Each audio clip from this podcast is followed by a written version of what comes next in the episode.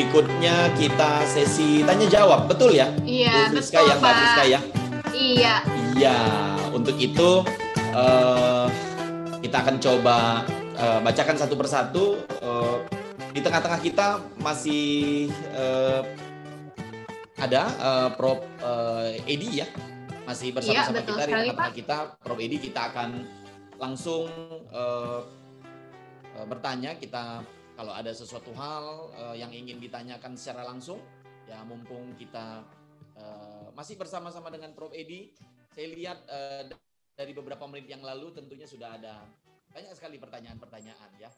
Eh, Prof Edi, eh, kita lanjut kembali ya, Prof Edi ya. Eh, ada pertanyaan nih beberapa dari Unihal Family. Kebetulan nih Prof Edi Sorry Pak Riki, mungkin suaranya agak kurang jelas nih Pak. sampai hari ini kebetulan ini dari Sabang sampai Merauke nih Prof. Jadi ada yang dari Aceh, ada Ya. yang dari Jambi, Yap. ada yang dari Medan, Silakan. gitu ya, sampai Kalimantan, Sulawesi dan dari Papua juga ada nih, dari Jayapura saya lihat ada dari Manokwari. Gitu. Pak Rikinya nggak kedengeran. Nah, boleh Pelan lanjut, sekali ya? Prof. Edi untuk sesi tanya jawabnya. Suaranya Riki mungkin suaranya bisa dinaikkan Pak volume inputnya. Untuk tanya jawabnya. Bisa kedengeran suara saya? Masih masih kurang nih Pak, masih kurang. Kita belum belum jelas nih mendengar suara Pak Riki. Bisa kedengeran suara saya, Mbak Friska? Masih jauh Pak, masih jauh. pelan sekali ya. Suaranya. Iya, mungkin eh, settingannya mungkin atau input volumenya Ya, mungkin bisa dinaikin Pak. Oke, kalau sekarang Masih belum Pak.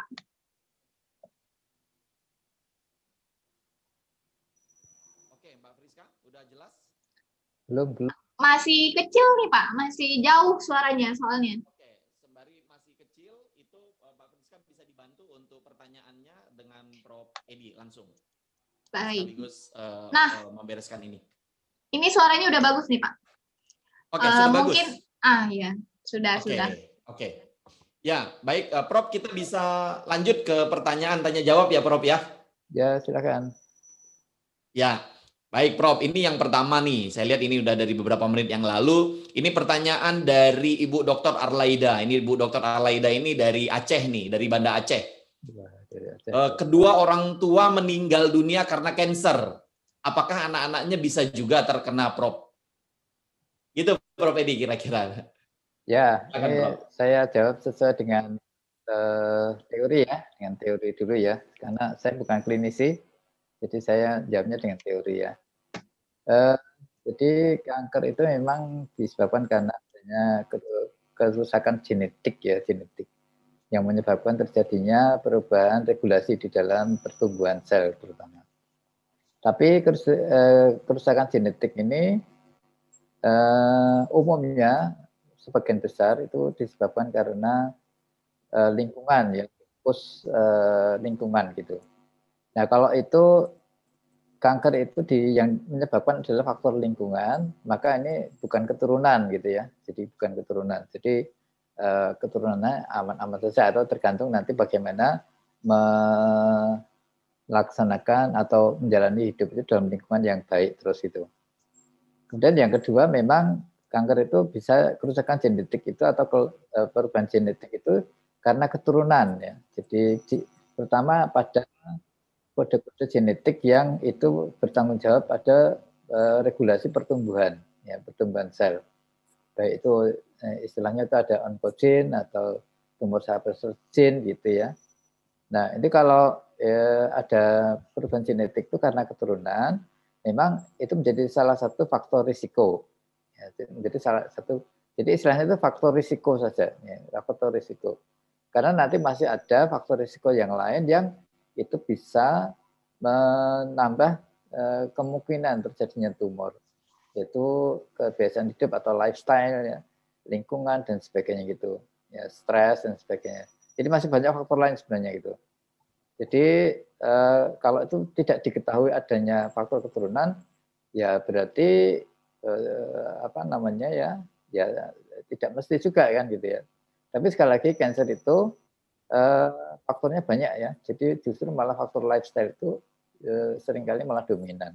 Jadi Bapak Ibu sekalian memang dalam kehidupan kita yang modern kayak gini kita perlu jaga lifestyle ya happy terus gitu ya kayak Rifki itu wah kelihatannya kan cerah happy kan gitu ya wah sehingga itu penting sekali agar metabolisme dalam tubuh kita itu normal baik gitu ya karena nanti kalau ada stres dan sebagainya itu bisa mempengaruhi juga uh, perubahan fisiologi di dalam sel kita itu Pak Rifki terima kasih ya jadi uh, untuk uh, uh, faktor keturunan ini memang salah satu pemicu ya, uh, ya salah Prof ya. Jadi memang ini ya. salah satu pemicu gitu ya. ya. Ya, kalau artinya kalau kita sudah tahu ini adalah salah satu faktor pemicu, sebenarnya kita juga bisa hindari tentunya faktor-faktor yang lain. Salah satunya adalah faktor lifestyle. Begitu ya kira-kira ya, ya, Prof ya. ya, ya. Nah, terus juga mungkin uh, uh, salah satu solusinya juga kalau kita sudah tahu kan kita juga bisa tahan, ada penahan, ada penekannya. Bisa ya. juga solusinya adalah konsumsi kurkumin gitu. Betul ya kira-kira Prof ya? Juga ya. Kurkumin atau kurkomplek. Gitu mungkin jawabannya gitu ya. Uh, Dr. Arlaida ya dari Banda Aceh. Kita lanjut berikutnya Prof. Uh, ini dari Ibu Laras. Uh, sorry, bukan Ibu Laras. Berikutnya saya coba uh, ini agak oke. Okay. Ini dari Ibu Ratnawati. Ibu Ratnawati. Kalau orang sehat, apakah aman konsumsi kur kompleks atau kurkumin? Eh, yang kedua adalah saya punya kenalan mata kanannya di bagian atas dekat alis ada bengkak, matanya hampir tertutup. Nah, apakah itu termasuk jenis tumor itu, Prof? Karena bengkaknya bertambah terus, padahal awal katanya tersengat binatang saja, tapi akhirnya jadi bengkak dan membesar. Kira-kira amankah itu kalau minum kur komplek gitu? Ya mungkin dari sisinya Profesor bisa kasih jawaban, Prof. Silakan, Prof. Uh, ya, uh, yang pertama tadi yang terkait dengan bengkak di mata itu sebaiknya konsultasi ke dokter ya. Itu karena itu nanti ada kemungkinan banyak sekali yang itu memang harus diobservasi. Yaitu mungkin yang tahu persis adalah dokter nanti. Itu sebenarnya itu apa apa bengkak biasa, atau mungkin karena ada hal-hal yang lain ya tumor dan sebagainya itu yang jelas itu perlu apa observasi yang lebih ya, jelas itu. Kemudian yang kedua konsumsi tadi ya konsumsi kurkumin ya. Sebenarnya kurkumin itu sendiri kan kandungan yang ada di dalam kunyit ya yang kita juga sudah biasa mengkonsumsi. Ya, cuman memang apa pun kan mesti ada batasnya ya. Jadi saya kira produk-produk kayak yang dikeluarkan oleh eh, so, eh, uh, Soho ini saya guru apa tuh namanya tadi? Uni Health. Ya, ya, jadi Uni Health ya. Jadi Uni Health ini kur kompleks ini saya kira juga sudah uh, ada aturan-aturannya ya. Uh, Betul sekali itu. Ya. Dan, dan saya kira dari Uni Health uh, Pak Revi atau Mbak Priska bisa menjelaskan nanti ya. Tapi yang jelas kalau kita mengkonsumsi apa pun, nasi pun kan juga nggak boleh banyak-banyak ya kita minum kopi juga nggak boleh banyak-banyak. Jadi apa pun ya, eh, hal-hal yang enak-enak itu juga nggak boleh banyak-banyak, apalagi hal-hal yang tidak itu apa ya bukan fun ya konsumsi harian gitu ya. Jadi ya sewajarnya saja lah ya, sewajarnya saja. Tapi kalau untuk konsumsi yang terkait dengan uh, medisi, medisin ya obat dan sebagainya, tentu itu mesti ada ada aturan-aturannya yang itu sudah diatur melalui proses yang sudah ter, validasi ya lewat regulasi dan sebagainya. Ya, saya kira itu ikutin itu saja. Terima kasih Pak Diki. Ya, terima kasih Prof. Jadi kalau untuk konsumsi kur kompleks sendiri atau kurkumin sendiri pasti aman gitu ya. Yang paling penting yaitu tadi sesuai dengan dosisnya gitu ya. Kalau hanya untuk menjaga tentunya cukup ya kan satu hari cukup satu atau eh, tiga kali satu gitu ya. Tapi kalau untuk eh, kita membantu pada saat ada yang sudah terkena kemoterapi atau pada saat memang sudah terponis kena cancer itu maksimal bisa konsumsi tiga kali tiga per harinya. Oke, kita lanjut ya, Prof ya. Uh, berikutnya adalah dari Pak Cucus nih, dari Bekasi nih, Pak Cucus dari Bekasi. Penyebab cancer itu apa sebenarnya, Prof? Apa benturan juga bisa menyebabkan cancer? Wah. Gitu, Prof. Silakan, Prof. Ya, eh, tadi saya sedikit menyinggung ya. Jadi penyebab kanker itu eh, karena ada faktor yang bisa merusak eh, apa namanya ya eh, materi genetik kita gitu ya. Jadi DNA kita. Jadi ada faktor yang bisa merusak itu ya. Yang itu menyebabkan DNA kita itu kemudian terjadi perubahan atau yang dalam istilah eh, istilah ilmiahnya itu mutasi ya, ya mutasi. Nah terjadi perubahan itu tidak semua perubahan juga bisa menyebabkan kanker, ya tergantung juga. Ya, perubahan itu pada eh, gen-gen yang meregulasi atau bertanggung jawab pada regulasi pertumbuhan sel, utamanya itu. Jadi kalau itu terjadi perubahan di sana, itu memang ada risiko ya jadi kanker. Tetapi sebenarnya tubuh kita itu juga ada sistem untuk mengatasi masalah-masalah kerusakan jadi kalau nanti misalnya ada terjadi perubahan pada satu gene tertentu ya, eh, yang itu bertanggung jawab pada eh, pertumbuhan sel, maka tubuh kita pertama itu bisa mengenali bahwa itu berbahaya. Jadi ada perubahan yang berbahaya, maka tubuh kita bisa melakukan eksekusi dengan bunuh diri gitu ya. Sel kita dibunuh.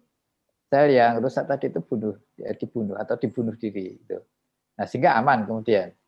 Atau kemudian perubahan itu atau kerusakan itu di repair atau diperbaiki. Jadi sebenarnya di dalam sel kita itu ada sistem repairing atau perbaikan, perbaikan atas kerusakan yang terjadi pada sel itu. Nah, kalau itu itu dilakukan maka akan kembali ke normal lagi. Jadi sel yang rusak tadi akan kembali ke normal lagi. Jadi utamanya adalah karena expose ma, apa namanya eh, karsinogen ya. Jadi zat-zat yang bisa menyebabkan perubahan tadi. Jadi kalau benturan ya dan sebagainya itu eh, mungkin tidak ya, mungkin mungkin tidak tidak menyebabkan kanker ya. Tapi kalau eh, misalnya tubuh kita stres itu ya. Nah, stres terus kemudian kita terekspos sinar-sinar yang berenergi tinggi ya kayak UV misalnya gitu Terus kita makan makanan yang itu mengandung zat kimia yang bisa merusak sel kita, ya. Seperti misalnya rokok, ya, misalnya gitu ya. Terus zat-zat yang dibakar ya, jadi jadi hasil bakar-bakaran itu biasanya itu mengandung uh, karsinogen atau zat-zat yang bisa merusak sel kita. Nah, itu baru kemungkinan itu bisa menyebabkan kerusakan sel yang nanti bisa uh, menyebabkan tumbuhnya tumor gitu. Tapi sekali lagi uh, tidak perlu takut juga ya. Jadi terus kita nggak mau makan apa-apa ya, wah, nah, bukan begitu. Karena tubuh kita itu sendiri sebenarnya juga sudah pinter ya melakukan pengamanan itu ya. Termasuk kita juga sebenarnya dalam konsumsi uh, makanan kita sehari-hari ya, makanan kita tuh sehat-sehat tuh insya Allah juga bisa menjadi salah satu salah satu penangkal ya. Nah gitu. Termasuk uh, apa namanya Eh, konsumsi makanan-makanan yang mengandung kurkumin tadi itu misalnya itu. Ya. Terima kasih Pak Devi. Ya, gitu. Jadi Pak Kus ya. Jadi eh, cancer eh, itu sendiri tadi kalau boleh saya simpulkan itu adalah eh, salah satu eh, perubahan eh, DNA atau mutasi dari DNA itu sendiri ya. Nah, tentunya untuk bagaimana untuk menurunkan resikonya ya tentunya salah satunya adalah kita bisa konsumsi secara rutin gitu ya kur kompleks ya yang tentunya kur kompleks tadi sempat dijelaskan sama Mbak Friska dibandingkan dengan kunyit pada umumnya itu tujuh kali lebih kuat gitu ya dibandingkan kunyit yang seperti biasa. Baik, uh, berikutnya kita lanjut ya Prof ya. Ini dari Ibu ke Sumasari. Nah, Ibu ke Sumasari ini bilang pantangan bagi penderita kanker payudara apa saja kira-kira Prof gitu untuk cancer payudara ini pantangannya apa saja? Ya, sebenarnya uh, semua saja ya untuk kita semua. Itu sama ya. Jadi kita konsumsi bahan-bahan yang itu bisa menambah risiko ya, menambah risiko kanker.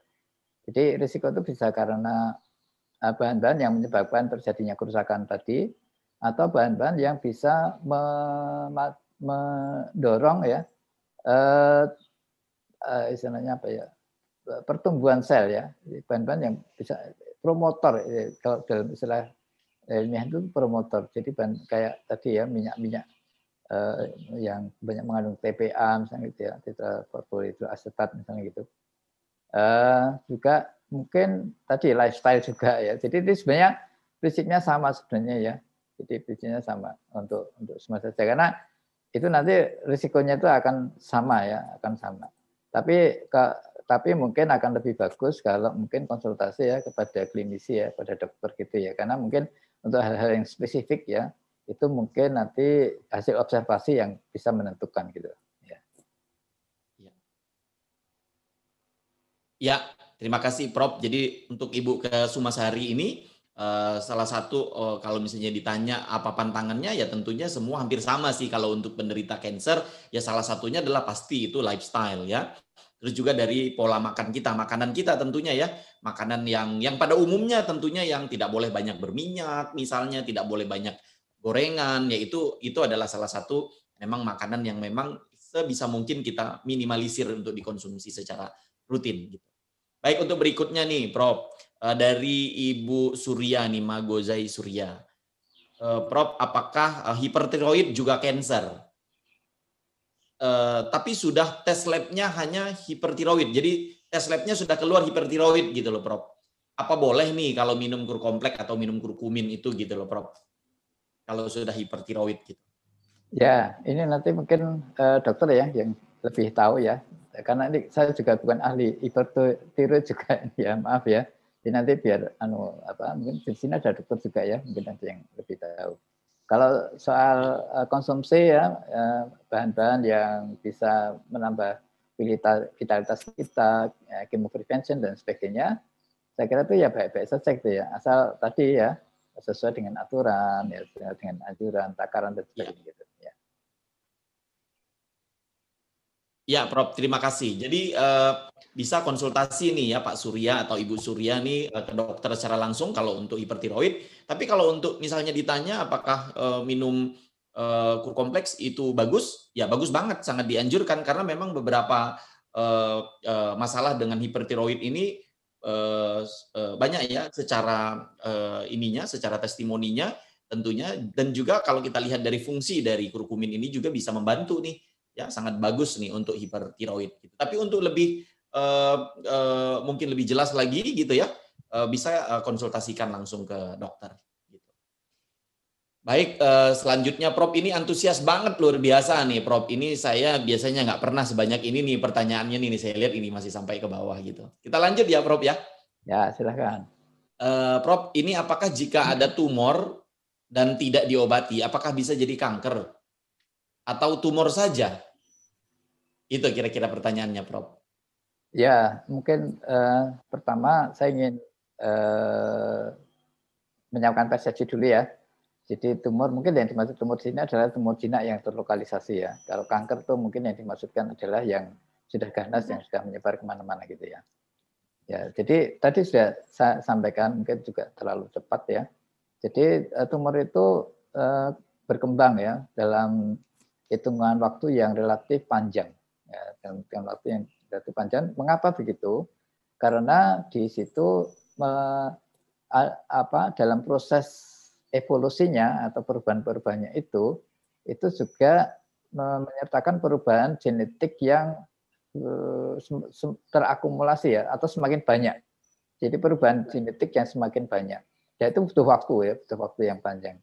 Jadi tumor yang jinak dengan tumor yang ganas itu kerusakan genetiknya itu sangat berbeda. Ya, jadi yang di tumor ganas itu kerusakan genetiknya semakin kompleks. Ya, tadi kalau tadi saya menyebut ada 10 penanda kanker ya, itu kalau tumor ganas itu hampir itu semuanya sudah ada ya. Mereka punya semua itu gitu.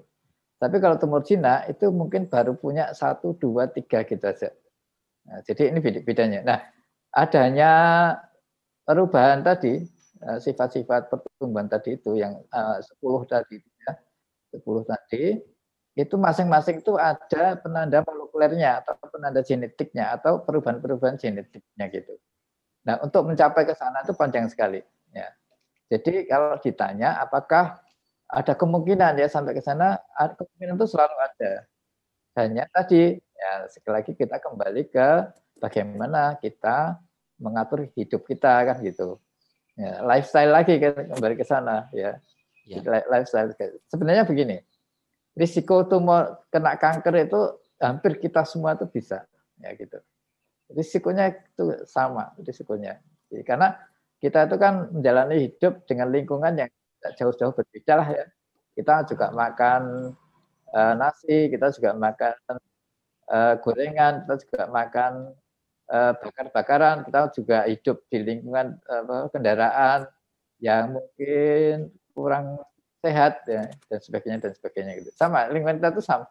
Jadi relatif risikonya itu hampir sama. Jadi kita semua itu sebenarnya punya risiko. Cuman memang ada ya faktor-faktor yang sering kali kita tuh tidak bisa ngontrol gitu ya ya dan juga eh, apa, faktor random itu juga ada juga.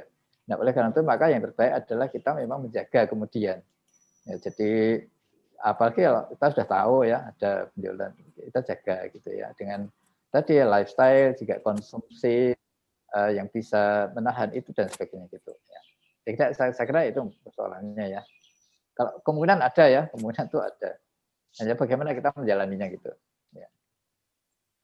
Ya, ya, Prof. Terima kasih. Jadi memang uh, bisa jadi arah ke sana ya. Kalau dari tumor itu dia bisa jadi ke cancer. Tapi balik lagi nih pesannya dari uh, Prof. Edi bahwasannya ya memang salah satunya adalah memang dari lifestyle kita gitu. Sekali lagi itu dari lifestyle dari gaya hidup kita gitu ya. Nah, bagaimana cara meminimalisirnya pasti balik lagi gitu ya dengan gaya hidup yang sehat, pola makan. Terus juga bisa juga tuh kita bisa rutin konsumsi kurkumin, kurkomplek ya dengan dosis yang wajar.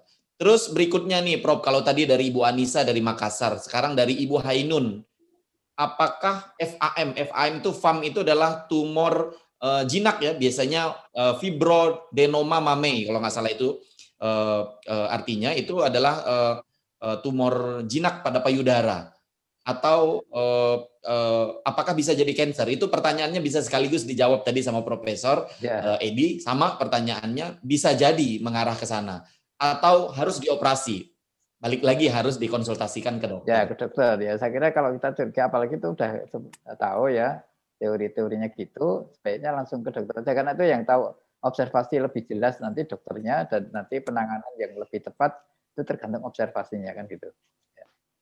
Ya, mungkin sekaligus jawabannya tadi. Terima kasih, Prof. Jadi sekali lagi bisa juga konsumsi secara rutin nih kurkuminnya. Terus berikutnya nih, Prof. Kalau kurkumin atau kurkomplek itu apakah bisa untuk semua jenis cancer nih? Pertanyaannya menarik juga.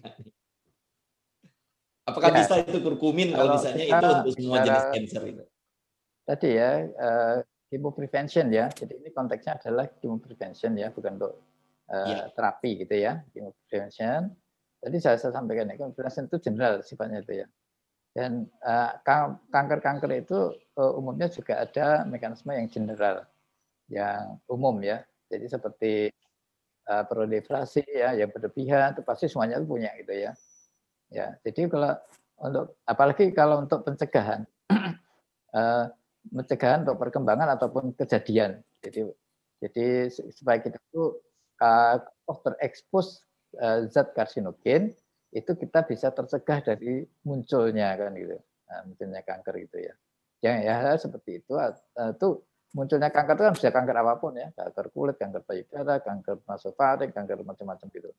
Nah ini eh, kalau kita bicara prevention itu sangat mungkin ya, jadi eh, pencegahan untuk apa pun itu kanker apa saja bisa. Yang penting kan kalau eh, prevention itu bahan itu memang tidak toksik ya di tubuh kita, ya, tidak berbahaya untuk tubuh kita, ya gitu. Ya, terima kasih, Prof. Eh, berikutnya lagi nih, Prof. Eh, dari Ibu Kartini. Prof, saya penderita CA mame, saya penderita kanker payudara.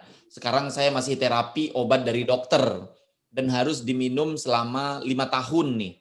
Apakah boleh konsumsi produk dari Unihel?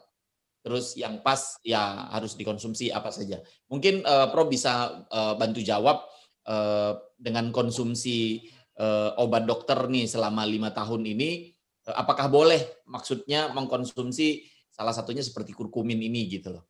Walaupun itu sebenarnya sudah dijawab juga tadi sama Prof. Oh ya. Ya. ya itu pertama memang harus konsultasi nanti yang bisa membolehkan dan tidak itu dokter biasanya ya karena ya. sekali lagi cancer itu kan nanti uh, spesifik kadang-kadang ya. Nah itu nanti yang tahu uh, persis kondisi itu adalah dokter karena dokter yang memegang hasil observasinya gitu. Nah sehingga dengan kondisi tertentu biasanya dokter sudah punya pilihan bagaimana eh, model terapinya. Jadi termasuk kalau ada apa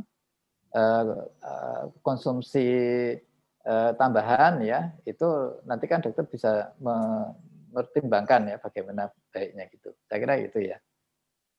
Ya, Prof. Terima kasih. Ya, kalau untuk di UniHealth sendiri untuk uh, uh, punya masalah dengan cancer payudara itu kita punya paket-paketnya nih khusus untuk cancer payudara. Salah satunya bisa uh, alternatif menggunakan Nutracetica Pack 5 ya, Nutracetica Pack 5 itu ada kompleks dan juga ada magozai di dalam.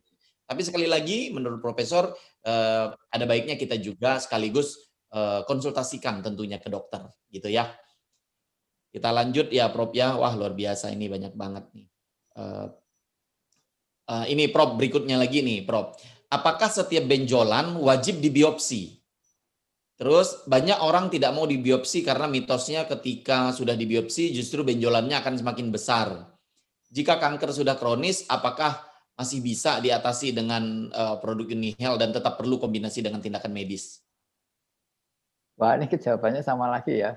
Ya, ya hampir sama sebenarnya. Ya, ya. ya. pada intinya kan perlu observasi ya kita kan tidak ya. tahu uh, kondisi yang sebenarnya itu seperti apa gitu ya. Ya, ya, observasi lebih lengkap tuh, lebih bagus ya sehingga nanti treatmentnya atau penanganannya itu nanti akan lebih tepat ya. Jadi chemo prevention ya itu saya kira baik-baik saja ya. Tapi sekali lagi itu tetap harus di diskusikan ya dengan uh, uh, dokter gitu ya. Ya, eh, terima kasih Prof. Jadi ini juga sama dengan Ibu Ana Hoiriyah ini dari Jakarta. Prof, jika ada kista tapi tidak diangkat, apakah akan jadi cancer itu Prof? Ya, tadi sudah ya. Uh, ya, jadi kalau kita ada kecurigaan gitu, sekali lagi itu yang tahu persis kondisinya itu adalah dokter ya. Jadi apalagi ada kista, ada benjolan yang mencurigakan dan sebagainya gitu. Itu nanti perlu diobservasi lebih uh, lanjut ya sehingga nanti apakah itu harus diangkat ya atau ya. cukup pakai konsumsi chemo prevention saja ya atau bahkan kemoterapi dan sebagainya. Itu nanti tergantung uh, kondisinya itu. Ya. Ya. Terima kasih Prof. Ini juga dari Eh, pertanyaan berikutnya sore Prof ada benjolan di payudara udah di USG mame bu mame USG mame bukan tumor ganas jadi tidak minum obat. Tapi kok udah setahun ini masih ada benjolan tersebut? Uh, ya tadi sama juga uh, jawabannya. ya. tadi uh, uh, saya bisa wakili dari Prof. Edi bahwasannya ya tetap kita harus ikut anjuran dari dokter. Nah kalau ini pertanyaannya produk Unihel yang mana yang bisa dikonsumsi? Saran saya adalah Nutracetica Pack 5 karena itu adalah kombinasi uh, antara magozai dan juga kurkumin atau kur kompleks gitu ya.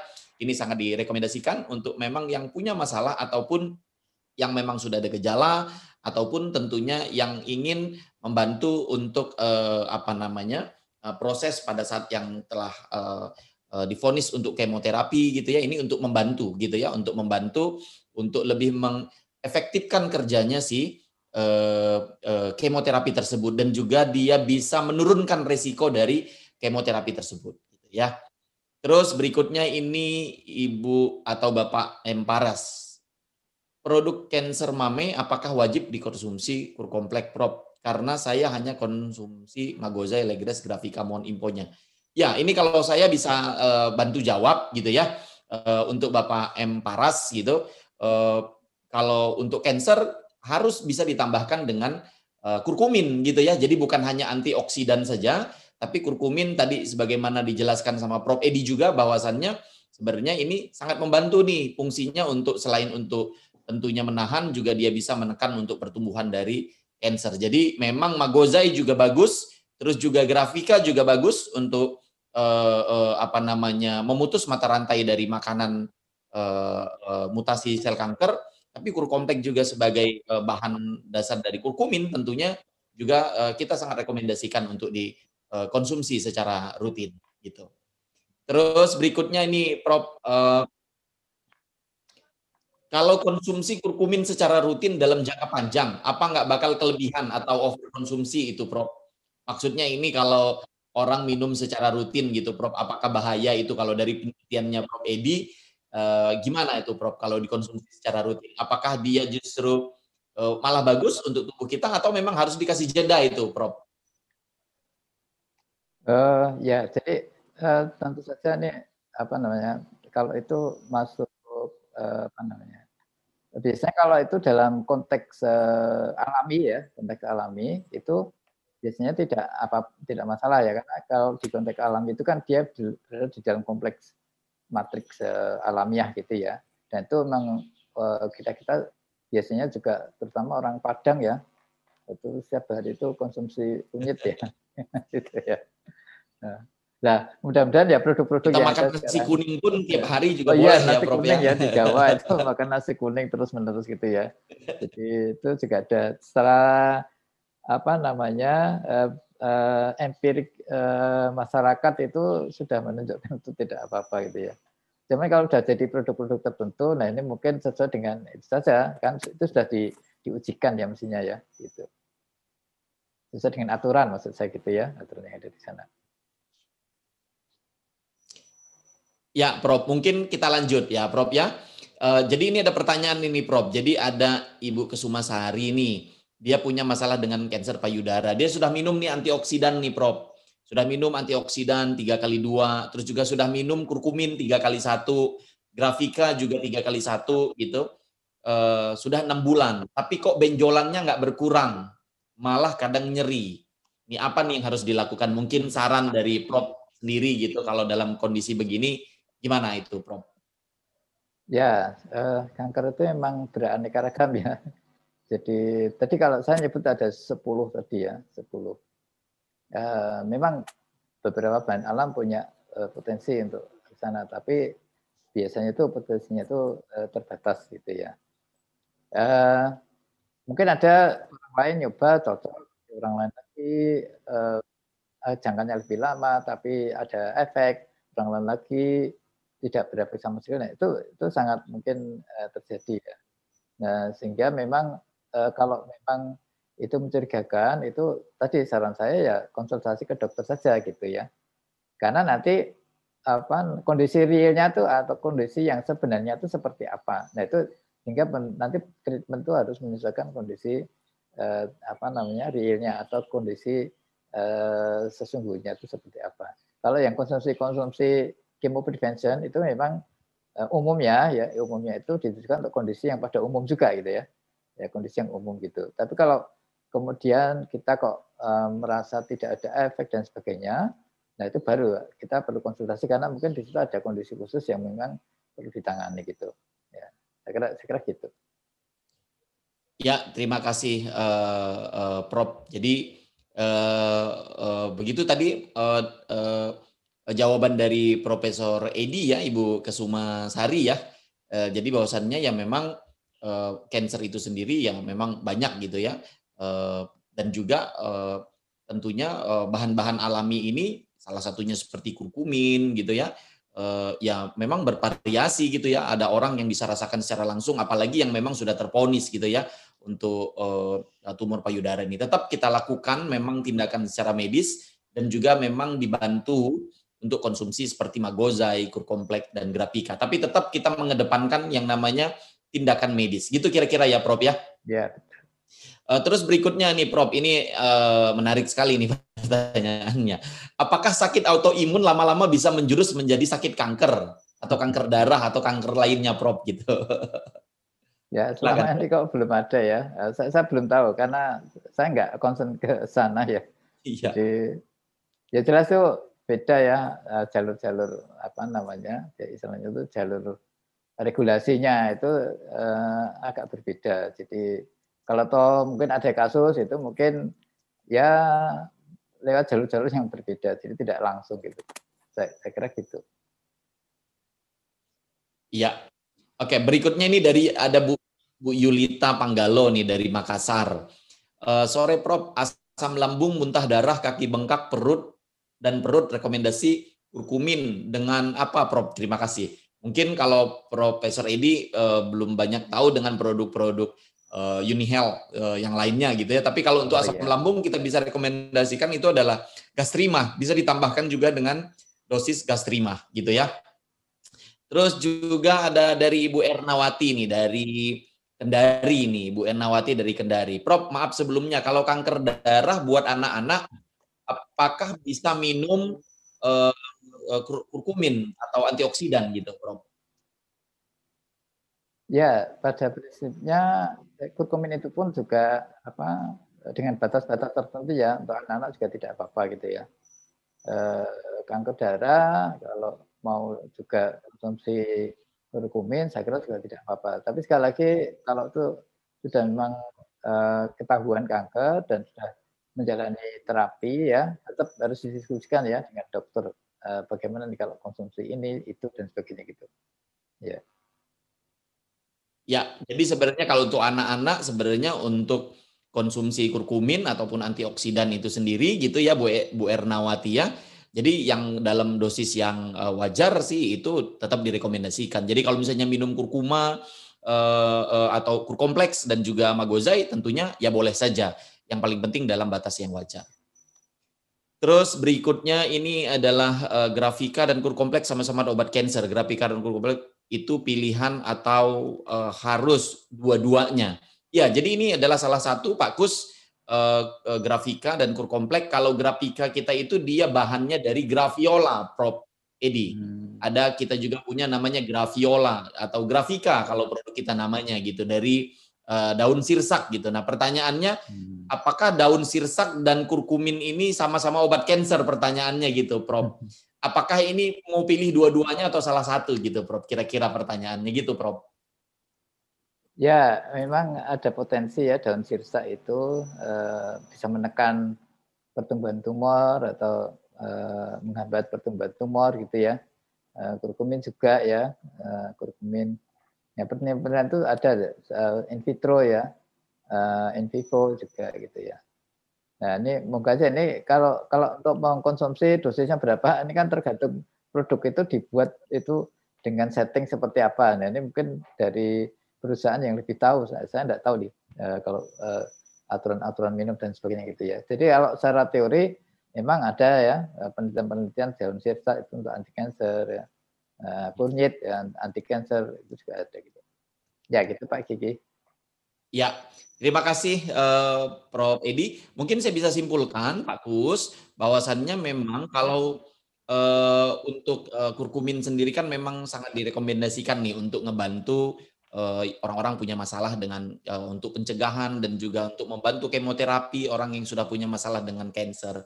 Nah, memang untuk graviola atau grafika itu sendiri juga memang direkomendasikan juga sebagai salah satu yang di mana uh, dari uh, uh, uh, pengujian secara klinisnya bahwasannya grafika graviola pada produknya Unihel Grafika ini adalah bisa membantu menekan pertumbuhan untuk asupan makan dari makanan dari mutasi dari sel kanker. Jadi sebenarnya bisa dikombinasikan, jadi tidak ada masalah untuk konsumsi dua-duanya. Bahkan Unihel juga sering direkomendasikan untuk kedua produk ini. Terus berikutnya ini terakhir nih, pertanyaan terakhir nih, Prof, Prof Edi uh, dari Pak Yusuf.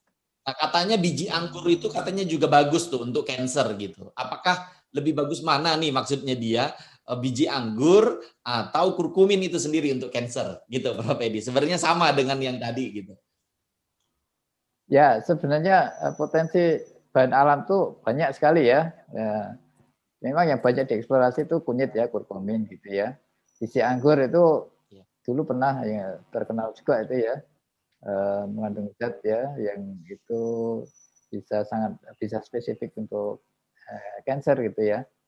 Tapi memang memang semua itu nanti akhirnya butuh ini butuh kajian lebih dalam kalau untuk mau digunakan gitu ya misalnya terkait dengan uh, bentuk sediaannya, terkait dengan uh, berapa banyak harus dikonsumsi dan sebagainya dan sebagainya itu nanti perlu uh, kajian dari hasil penelitiannya seperti apa. Ya.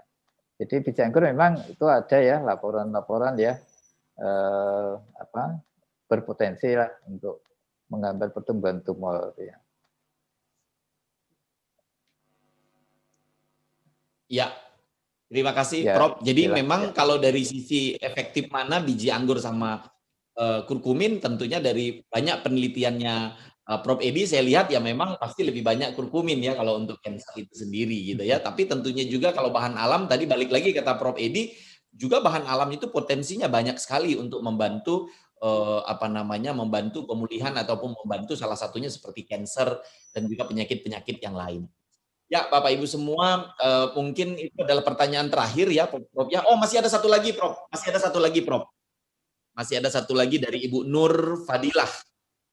Eh, Bu Nur Fadilah dari Jakarta. Mau tanya, Prof, sebaiknya apa yang dikonsumsi nih untuk penderita kanker darah yang sekarang sudah rutin untuk cuci darah, gitu ya?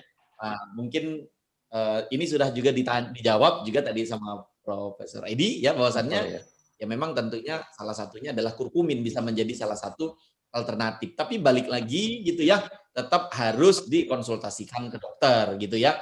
Kurkumin, kurkompleks, magozai itu salah satu hanya untuk membantu sebagai penahan ataupun tentunya uh, untuk membantu penekan untuk terjadinya risiko kanker. Dan kalau sudah terjadi uh, sudah sampai dilakukan kemoterapi itu untuk bisa membantu uh, mendorong agar efek kemoterapinya ini efektivitasnya bisa lebih bagus dan efek yang tidak baiknya juga diturunkan seperti itu lebih kurang. Gitu ya, Prof ya? Ya. Ya, terima kasih sekali lagi Profesor Dr. Edi uh, Meyanto uh, yang hari ini sangat luar biasa sudah hadir tengah-tengah kita sudah dari uh, satu setengah jam yang lalu. Sekali lagi kita ucapkan terima kasih untuk uh, Prof. Edi atas waktunya tentunya pada sore hari ini. Mudah-mudahan Prof. nggak bosan-bosan untuk bisa sharing-sharing lagi ya Prof ya uh, berikutnya bersama ya, Unique Family ini dari semuanya teman-teman ya, dari seluruh Indonesia. Sehat semuanya ya. Ya, terima kasih Prof. Prof juga sehat-sehat ya. Uh, sampai ya, ketemu ya Prof ya. Terima kasih sekali lagi ya. Prof Edi. Terima kasih kita kasih aplaus dong dari seluruh Indonesia untuk Profesor Dr. Ya, Edi. Terima kasih banyak seluruh Indonesia ya. Terima kasih Prof. Edi. Terima ya. kasih sekali Salam lagi. sehat semuanya. Nanti di Assalamualaikum warahmatullahi wabarakatuh. Terima kasih. Ya. Waalaikumsalam. Waalaikumsalam warahmatullahi wabarakatuh. Sampai ketemu berikutnya lagi Prof. Edi.